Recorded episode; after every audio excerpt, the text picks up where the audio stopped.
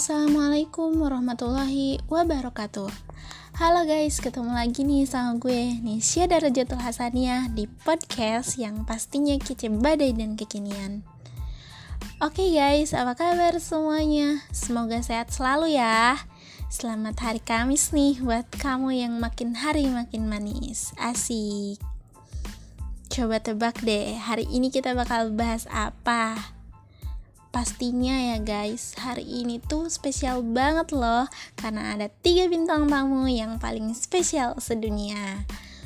Hmm, agak lebay ya Tapi beneran deh guys. Hari ini sangat amat spesial. Ditambah lagi dengan tema pembahasan yang agak serius nih. Lain kan dari biasanya. Tema ini pastinya berhubungan sama kehidupan sehari-hari Makanya tema ini penting buat dibahas guys. Penasaran kan? Penasaran gak nih? Oke, okay, canda-canda guys. Hari ini kita akan bahas tentang pemberdayaan zakat. Waduh, dengar kata zakat kok kayak serem gitu ya guys. Tapi menurut gue nih ya Zakat itu sebagian hak orang lain yang ada dalam harta kita. Jadi ya harus dikeluarkan kalau pemberdayaan zakat hmm, apa ya? Kayaknya penyaluran dana zakatnya deh. Misalnya pemberian modal usaha buat para mustahik biar mereka bisa ngelola usahanya sendiri. Eits, tapi biar nggak salah kaprah hari ini kita akan langsung berbincang-bincang dengan bintang tamu kita Tada, ada kakak-kakak kelompok mahasiswa penyuluh dari UIN Syarif Hidayatullah Jakarta. Halo guys, kita kenalan dulu kali ya. Oke, hai, nama gue Nisan Samsia, asalnya dari Tasik. Halo guys, kenalin nama gue Duil Fani, asal gue dari Kabupaten Bogor. Oke, salam kenal. Halo guys, nama gue Lia Oktapiani, asal gue dari Bogor. Halo, perkenalkan nama saya Askal, asal dari Jakarta. Oke guys, kita nggak perlu panjang lebar dulu ya kenalannya, karena hari ini kita akan bahas tentang pemberdayaan zakat. Wah, cukup penting ya tema kita kali ini. Oke, kita langsung aja kali nih minta pendapat bintang tamu kita tentang apa itu zakat. Oke, siapa nih kak yang mau duluan? Um, atau boleh deh dimulai dari kak Askal dulu ya. Zakat menurut saya mengeluarkan sebagian harta yang diwajibkan oleh Allah Subhanahu wa taala kepada orang yang berhak menerimanya. Nah, kalau menurut kalian Kak Fani sama Kanisa gimana nih? Boleh ya langsung disambung aja. Kalau menurut gue guys, zakat adalah mengeluarkan harta tertentu yang diberikan kepada orang yang berhak menerimanya. Nah, guys, zakat ini dikeluarkan oleh umat Islam yang bertujuan untuk membersihkan hartanya. Menurut gua sih, zakat itu kan salah satu rukun Islam yang wajib ditunaikan ya bagi setiap muslim yang mampu dan punya kelapangan harta. Nah, yang dimaksud berzakat di sini adalah setiap orang yang mengeluarkan sebagian hartanya untuk disalurkan kepada orang yang berhak menerimanya atau yang disebut dengan mustahik, sesuai dengan rukun dan syarat tertentu. Gitu sih kurang lebihnya. Kalau pengertian zakat itu kalau satu kan kayak zakat itu salah satu rukun Islam yang wajib ditunaikan ya untuk setiap orang muslim. Uh, yang baik yang mampu ataupun yang enggak itu harus kan kayak buat menyisihin uh, harta dia. Itu ada waktu-waktunya kayak gitu. Oke okay guys, jadi jawabannya nggak jauh beda ya dari yang tadi gue jelasin. Tapi kalau pemberdayaan zakat itu maksudnya gimana tuh kak? Kalau pemberdayaan ya, hmm, pemberdayaan itu kan usaha supaya dana zakat yang dikeluarkan mampu mendatangkan manfaat, berarti dana zakat dapat digunakan untuk mendatangkan hasil atau manfaat dengan cara menyalurkan dana zakat kepada mustahik secara produktif. Nah, tujuannya yaitu ya seperti itu tadi agar zakat dapat mendatangkan manfaat dan merubah mustahik menjadi muzaki. Berbicara tentang pemberdayaan zakat nih guys nih. Kalau menurut gue nih pengertiannya yaitu memanfaatkan hasil zakat agar hidup mustahik itu lebih baik lagi guys. Itu tuh kalau menurut gue. Nah, untuk pengertian pemberdayaan zakat tuh kayak usaha agar dana zakatnya itu bisa mm, mendatangkan manfaat kan kayak berarti dana zakatnya itu dapat digunakan untuk mendatangkan hasil atau manfaat dengan cara menyalurkan dana zakat tersebut pada mustahik itu secara produktif e, dengan tujuan itu supaya zakat mendatangkan manfaat bagi orang banyak gitu. Kalau menurut saya, pemberdayaan zakat itu gimana caranya orang itu berdaya dengan harta zakat untuk agar orang itu berubah dari mustahik menjadi muzaki.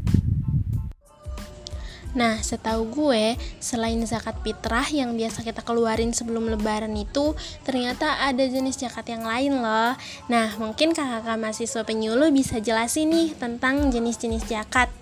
Siapa yang mau mulai duluan? Oke, boleh deh mulai dari kalian ya.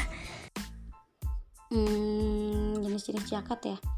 Jenis-jenis zakat yang gue tahu tuh ada tiga nih guys. Yang pertama itu zakat fitrah. Nah, zakat fitrah itu dikeluarkan pada saat bulan Ramadan atau bulan puasa nih. Pasti semua umat Islam tuh tahu nih kalau untuk zakat fitrah. Lalu yang kedua tuh ada zakat mal.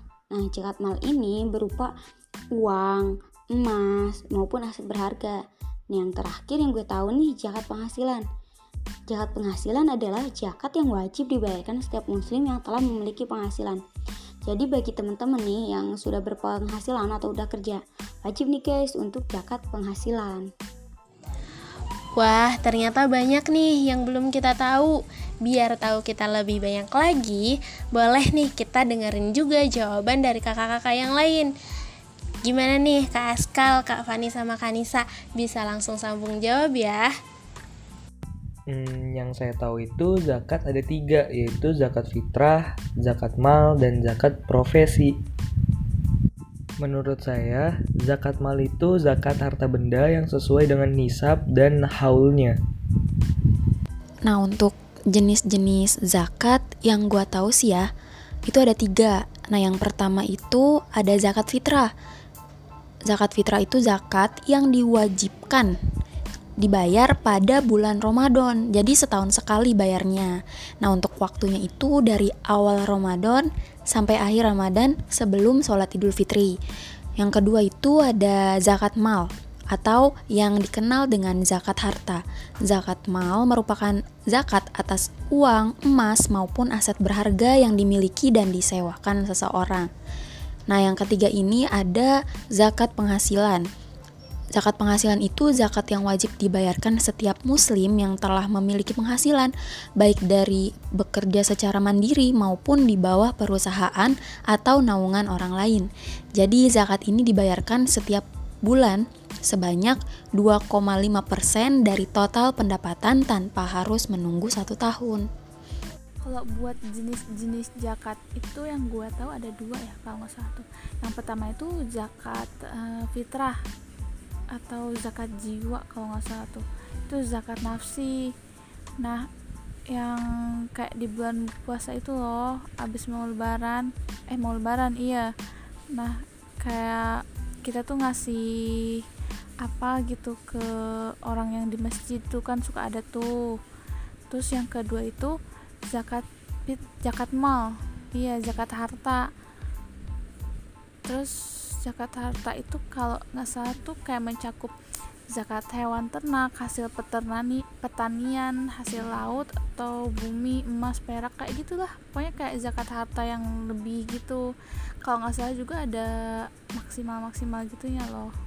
Ada perhitungan perhitungannya hmm, menarik ya tapi kali ini gue lebih tertarik buat bahas zakat mal nih Karena kalau zakat fitrah kita biasa bayar setiap tahun di akhir bulan Ramadan Jadi boleh nih kak dijelasin seperti apa sih zakat mal? Ya, zakat mal berarti zakat yang dikenakan atas segala jenis harta yang secara zat maupun substansi perolehannya tidak bertentangan dengan ketentuan agama. Misalnya, zakat mal terdiri atas simpanan kekayaan seperti uang, emas, surat berharga, penghasilan profesi, aset perdagangan, hasil barang tambang atau hasil laut, hasil sewa aset, dan lain sebagainya. Nah, kayak yang tadi gue bilang di awal kan kalau zakat mal atau zakat harta itu kan mencakup kayak zakat uh, peternakan kita hewan ternak hasil pertanian hasil laut yang kita cari terus hasil bumi emas perak atau harta harta dagang kayak gitu kan dan lain-lain. Nah kewajiban zakat ini tuh diterapin dalam Al-Quran loh kayak dalam surat apa ya kalau nggak satu atau ayat 34 kalau satu terus dalam hadis juga ada tuh yang diriwayatin sama Abu Daud. Uh, bunyinya tuh kayak Rasulullah Wasallam memerintahkan kami agar mengeluarkan zakat dari semua yang kami persiapkan untuk berdagang satu. Nah, di harta-harta yang tadi disebutin tuh kayak punya ketentuan kadar zakatnya gitu tapi secara umum harta itu emang harus harus dijakatin sesuai jenis-jenisnya gitu kan setiap tahun kayak gitu kalau menurut gue ya zakat mal ya zakat mal itu seperti yang udah gue jelasin tadi tuh guys tuh bahwa zakat mal itu adalah zakat yang harus dikeluarkan oleh seorang muslim atas dasar yang dimilikinya dengan ketentuan dan syarat tertentu.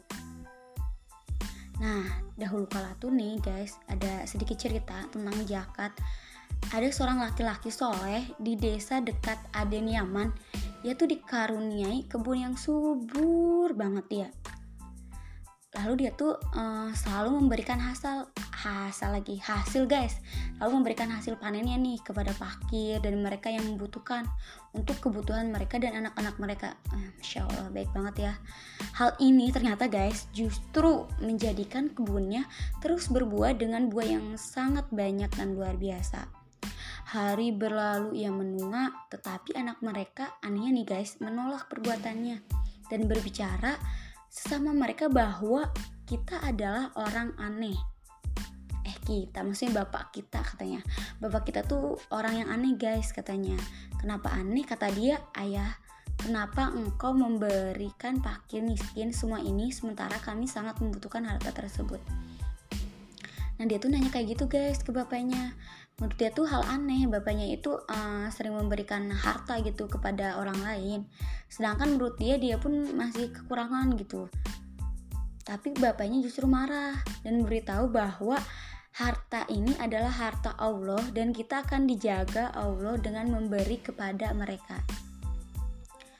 Nah sayangnya selang beberapa hari berapa bulan berapa waktu orang tua itu meninggal Nah, kemeninggalan mereka itu menyebabkan kesedihan seluruh kampung. Kematiannya menjadi buah bibir beberapa hari karena perbuatan baiknya. Ya Allah, Masya Allah. Gue jadi pengen guys. nah, anak-anak mereka tuh diwarisi hartanya. Seraya berkata, bapak kita tuh orang aneh dengan memberi harta kepada pakir miskin. Kita tidak akan melakukan hal yang sama. Nah, si anaknya itu kan diwarisin uh, harta ya sama bapaknya.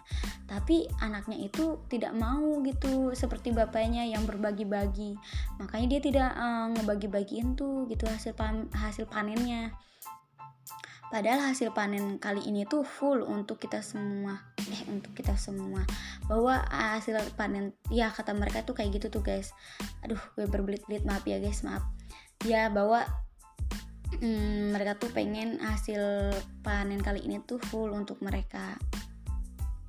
Tapi yang lain menolak ada tuh dan hari panen sudah dekat mereka bertambah rajin menggilai ladang mereka. Ketika datang waktu panen mereka berkumpul dan berkata dini hari nanti sebelum para fakir itu terbangun kita panen tanaman tadi atau tanaman yang kita tanam gitu. Mereka semua pas pakat termasuk yang tadi menolak.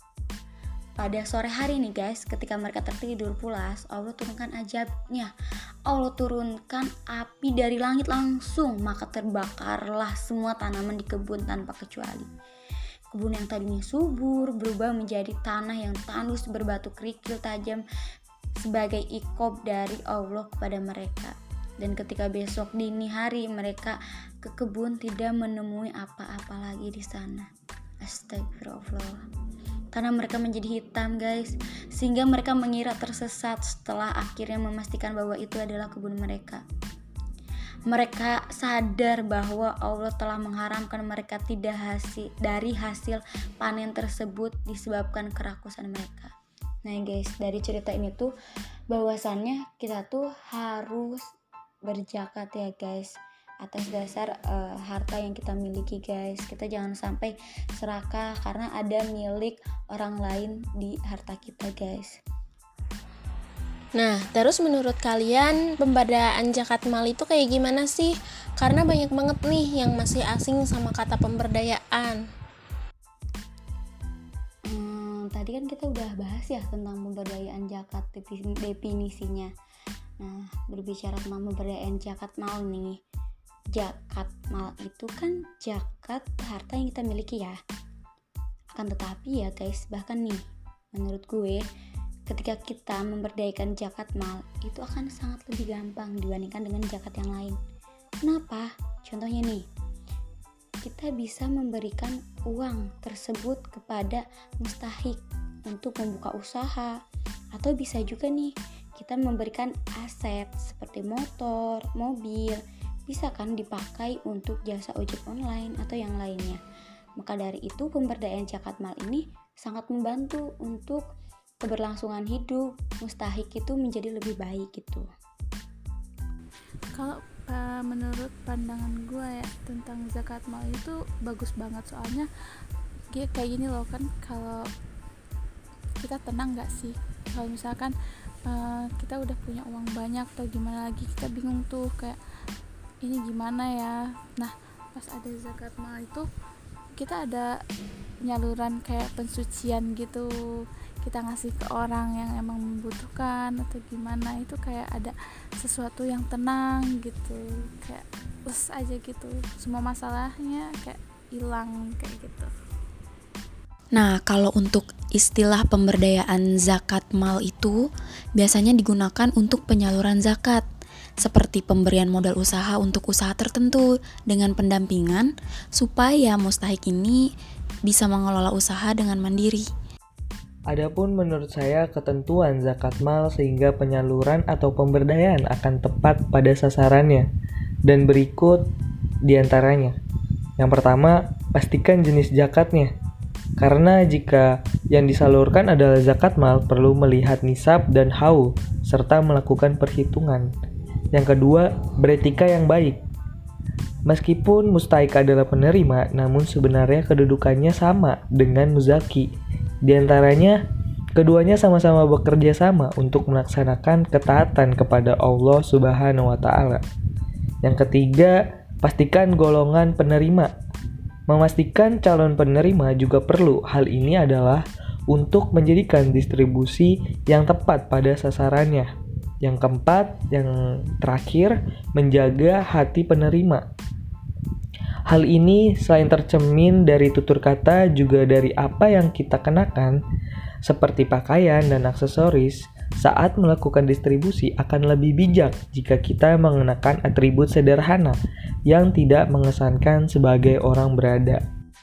Mantap, keren-keren banget emang jawaban dari bintang tamu kita kali ini. Tapi sayangnya pertanyaannya udah berakhir nih. Kesimpulan dari perbincangan yang seru pada kali ini adalah zakat itu mengeluarkan sebagian harta yang diwajibkan Allah Subhanahu wa taala untuk diberikan kepada orang-orang yang berhak menerimanya atau biasa kita sebut dengan mustahik sesuai kadar dan haulnya dengan rukun dan syarat tertentu. Zakat terbagi menjadi dua, yaitu zakat fitrah dan zakat mal. Ketika kita sudah memenuhi perhitungan untuk zakat mal, kita harus berzakat ya guys, buat membersihkan harta kita. Terima kasih guys udah hadir pada podcaster Kecis Jagat Raya. Canda-canda, gue emang suka agak hiperbora gitu. Tapi bener gak sih, emang keren. Terima kasih juga kepada seluruh pendengar yang selalu setia nungguin kelanjutan episode podcast kita. Sebelum ditutup, gue mau pantun dulu nih. Memasak ikan dalam peti, paling enak dicampur terasi. Gayanya doang selebriti, bayar zakat gak berani. Oke, sampai jumpa di episode selanjutnya ya guys. Semoga ilmu hari ini bermanfaat untuk kita semua. Wassalamualaikum warahmatullahi wabarakatuh.